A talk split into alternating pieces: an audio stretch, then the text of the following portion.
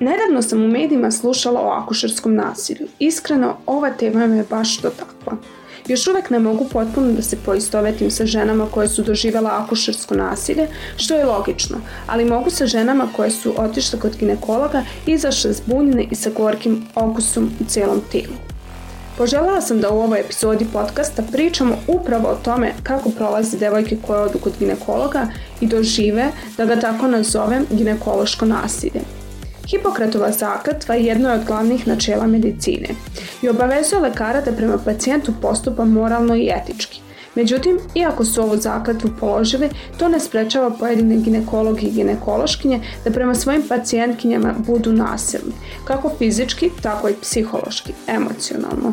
To naravno dovodi do različitih posledica. Neke od žena promene ginekologa, dok druge prestanu da ga posećuju. Često čujem da je nekad doživjela neprijatno iskustvo kod ginekologa ili ginekološkinje. Od zadiranja u lični život do grubog pregleda ili komentarisanja i zgražavanja nad onim što devojke neretko iznesu u poverenju. Upravo u toj ordinaciji očekuju savjet i razumevanje druge strane, pa se iznenade kad naiđu na neki suvisli komentar. Naravno da ima devojaka koji imaju pozitivna iskustva i najčešće svoju ginekološkinju ili ginekologa preporučuju i drugima. Slušajte podcast Tip Devojke iz predgraća. Moje ime je Slavica Trifunović, a danas sa psihoterapeutkinjom Draganom Stojić i nekoliko devojaka koje su prošle kroz to govorim o ginekološkom nasilju. Ginekološko nasilje predstavlja sve one neprijatnosti koje pacijentkinje dožive kod ginekologa ili ginekološkinje, od grubog pregleda do zadiranja u seksualni život, orijentaciju i intimu žena. Pojedine devojke su htjele javno sa mnom da podele svoju priču, dok su neki htjele da ostanu anonimne. Prvi susreti sa ginekologom događaju se već na prelazu iz osnovne u srednju školu, možda i kasnije, ali svakako u uzrastu u kom još uvek nismo punoletne. Iako nam je taj prvi pregled nepoznat, vrlo lako se može dogoditi da doživimo neprijatnost. Moja prva sagovornica, Marina M, je svoje prvo neprijatno iskustvo doživjela dok je još bila maloletna. Žena još uvijek nije bila obučena, ja sam bila pozvana unutra da, da uđem. I ona me pita zašto si došla i ja sad sve da sam imala neki problem, naravno da ne mogu da kažem pred nekom drugom ženom. Rekla sam da sam došla na red, redovan ginekološki pregled, na što mi ona rekla skidaj se. Veoma grub pristup, jednoj de, jednom detetu na kraju krajeva, ja sam tad još uvijek maloletna bila, zato što su sprave bile te ogromne, ona je bila veoma neljubazna, drska i meni, mene je uh, pregled boleo. Marina me kaže da je doktorka samo uzela bris bez ikakvih drugih objašnjenja ili pitanja o tome da li je nešto drugo muči i odmah pustila drugu pacijentkinju unutra i pre nego što se ona obukla i izašla. Samo je znači odradila taj pregled, to je trajalo svega 40 sekundi ovaj, i, i rekla mi je da se obučem. E, otkucala do ja dok sam sišla sa te stolice u tom transu. E, ja ovaj, nisam još uvijek ni počela da se oblačim, ona je već pustila drugu ženu unutra. Znači odvratan jedan osjećaj, onako ponižena sam što, što psihički, što fizički, da bih nakon svega toga e, došla kući totalno slomljena od celog tog šoka, od neprijatnog pregleda. Ja sam, ja sam kao imala neke bolove, mini bolove u sebi, da sam ja ceo taj dan pres spavala i rekla sebi nikada više kod državnog lekara koji jednostavno može da bude odvratan prema meni i ja ne moram e, i ja ne mogu njemu ništa. Prevencija i očuvanje reproduktivnog zdravlja bitni su aspekti čovekovog života, a redovnim odlaskom kod ginekologa može se pospešiti rano otkrivanje bolesti poput raka grlića materice i mnogih drugih. Međutim, osude od strane ginekologa mogu ozbiljno da utiču na odluke žena da prestanu da idu na te preglede, a kako kaže Martina, to neprijatnosti koje je doživela nisu samo bile prilikom pregleda, već i razni komentari ginekološkinje o izgledu njenog polnog organa. Pričala o tome po, po izgledu mog polnog organa, da li imam partnera ili nemam i kako prosto kakav moj seksualni, kakav je moj seksualni život i kako on izgleda. I tu sam se našalila, ali prosto smatram da je to stvarno nepotrebna informacija, jer svaki pacijent ako želi o tome da priča, ako ima neke nedoumice, pitaće tražit će savet. Martina Tot navodi da se veoma mlada susrela sa nerazumevanjem, a već u odraslom dobu i sa konkretnim ginekološkim nasiljem.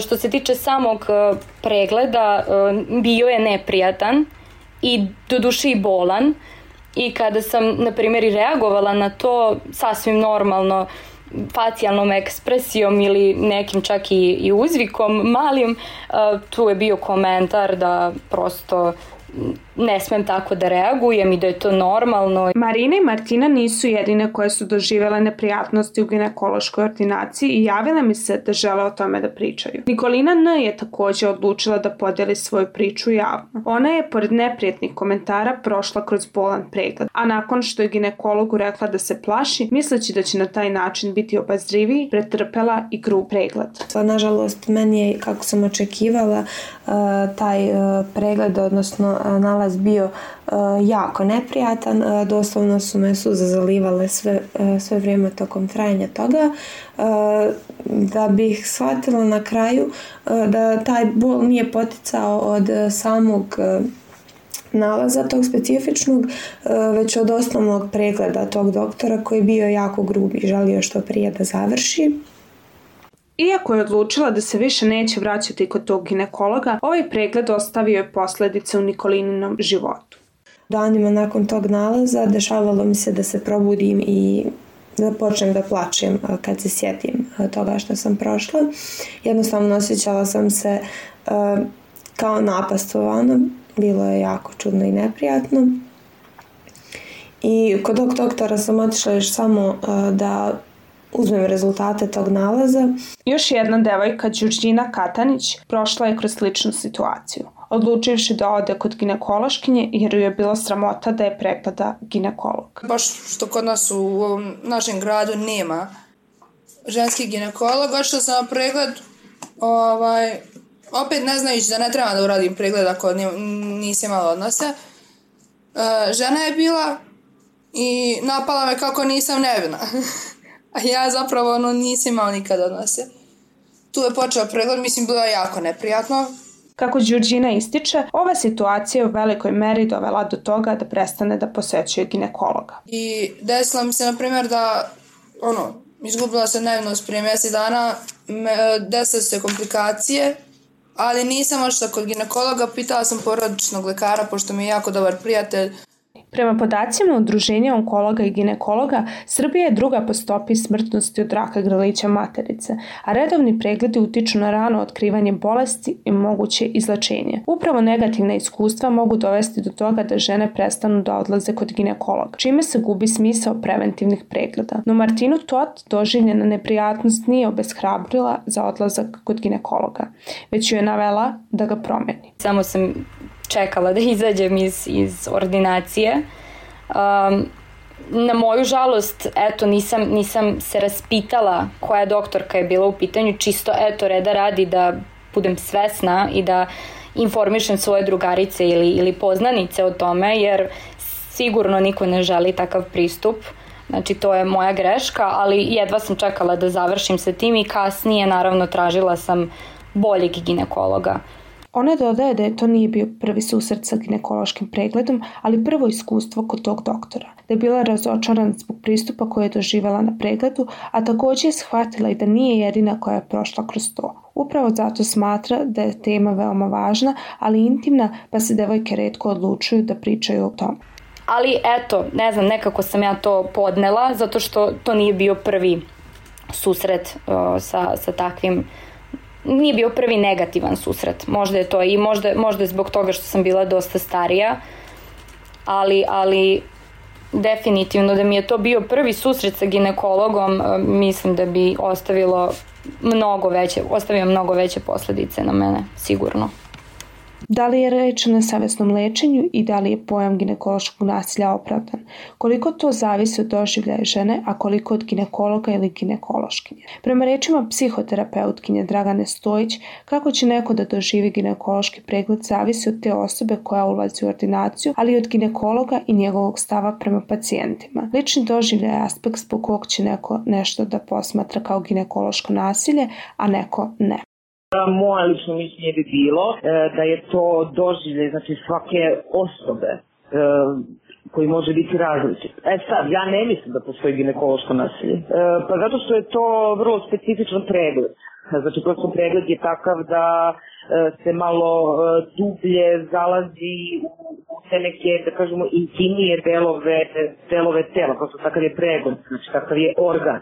I onda jednostavno e, samo na takav pregled e, kod žene već pravi nekakvu vrstu neprijatnosti, a svaka neprijatnost i svaka ta neka neka misao, znači budi neko određeno i specifično osjećanje. Samim tim e, sve može, znači e, sve može da se, da se nekako drugačije doživi i nekakav pregled, znači koji je normalan pregled, znači kada smo jednostavno pod tako većim emotivnim nabojem mi možemo da doživimo kao da je to sada jednostavno nekako neko mm, nada, znači, možemo da protumačimo drugačije nego zaista, zaista su jeste. Moja sagovornica kaže da treba utvrditi šta se podrazumeva pod grubim pregledom, a dodaje i da bi najbolji pregled bio onaj u kojem ginekolog objašnjava kako se izvodi pregled i kako on izgleda opet sad što se tiče jedne uh, hipersenzibilnosti i senzibilnosti opet uh, svakih, svih tih devojaka. Znači neko naj, i, i, također radi se o stepenu bola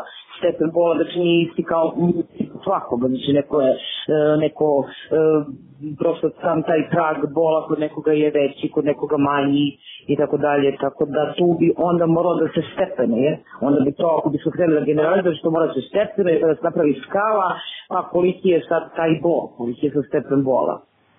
To je opet individualno. I pored negiranja postojanja ginekološkog nasilja, Dragana Stojić kaže da bi se ovakve situacije izbegle adekvatnim odnosom između lekara i pacijenta, ali da je većina posla na lekaru, odnosno da je odgovornost na njima, kao i da je njihov zadatak da proprate psihološko stanje pacijentkinje kada dođe na ginekološki pregled procene da je da, da prosto treba sa neki drugačiji pristup, da jednim ljudskim razgovorom objasne, da kažu kako će to da izgleda, šta se radi i tako dalje, jer svako to neko znanje o nečemu jednostavno dovodi do manjeg osjećanja straha. A to kada neko ima manje osjećanje straha, onda sve drugo lakše podnosi. Dragana Stojić kaže da kada su u pitanju osobe koje dolaze kod nje, da je jako bitno da ih sasluša, ali i postavi pitanje da li su bile informisane o pregledu, kako su se osjećale i šta misle o tome. Ono što ih dalje pita je da li su bile informisane o lekaru, o njegovoj stručnosti, ali i ličnosti, da li je u pitanju muška ili ženska osoba, zašto su baš nju izabrale. Objašnjava da je važno i koliko su do sada imale pregleda i koje su eventualne razlike u njima. Sve te informacije utiču na to kako će jedna osoba doživati pregled.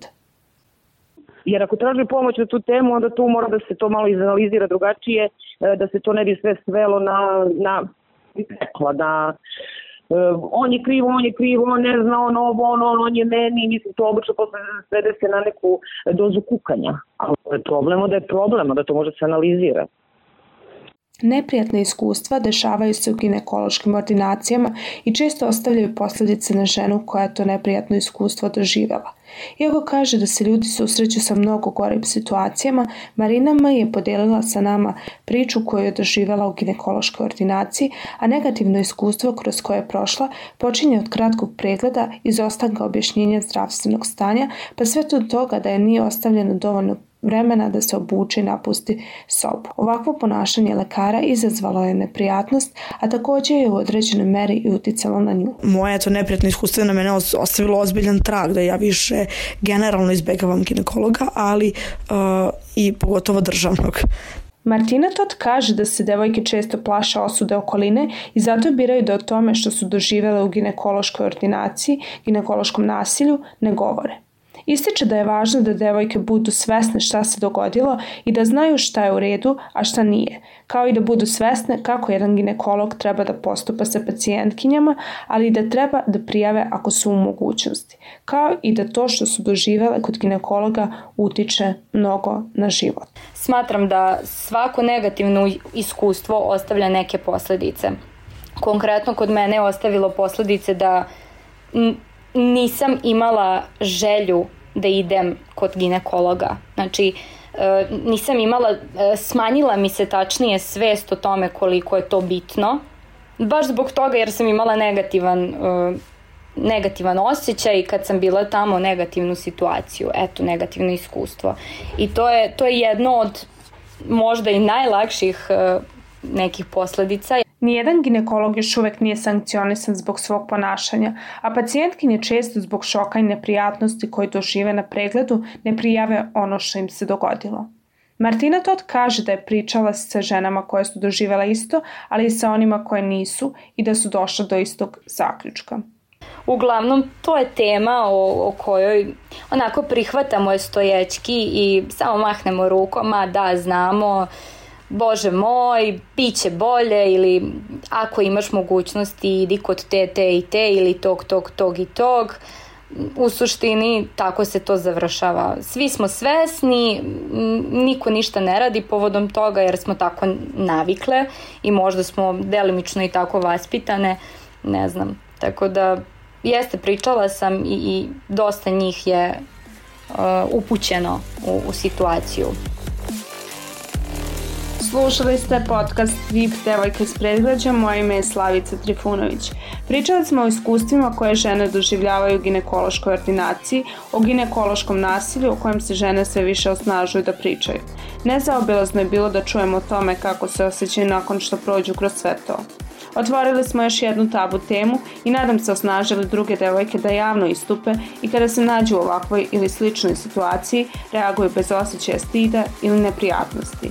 Zapamtite, problem svake od nas je zajednički problem. Podcast možete slušati na Sounder FM-u, podcast.rs-u, Google Podcastu i Spotify-u. Ja svakako čekam vaše komentare, razmišljanje i predloge tema na društvenim mrežama Fabrike kreativnosti. Na Facebooku smo Fabrika kreativnosti, a na Instagramu F kreativnosti. Čujemo se uskoro.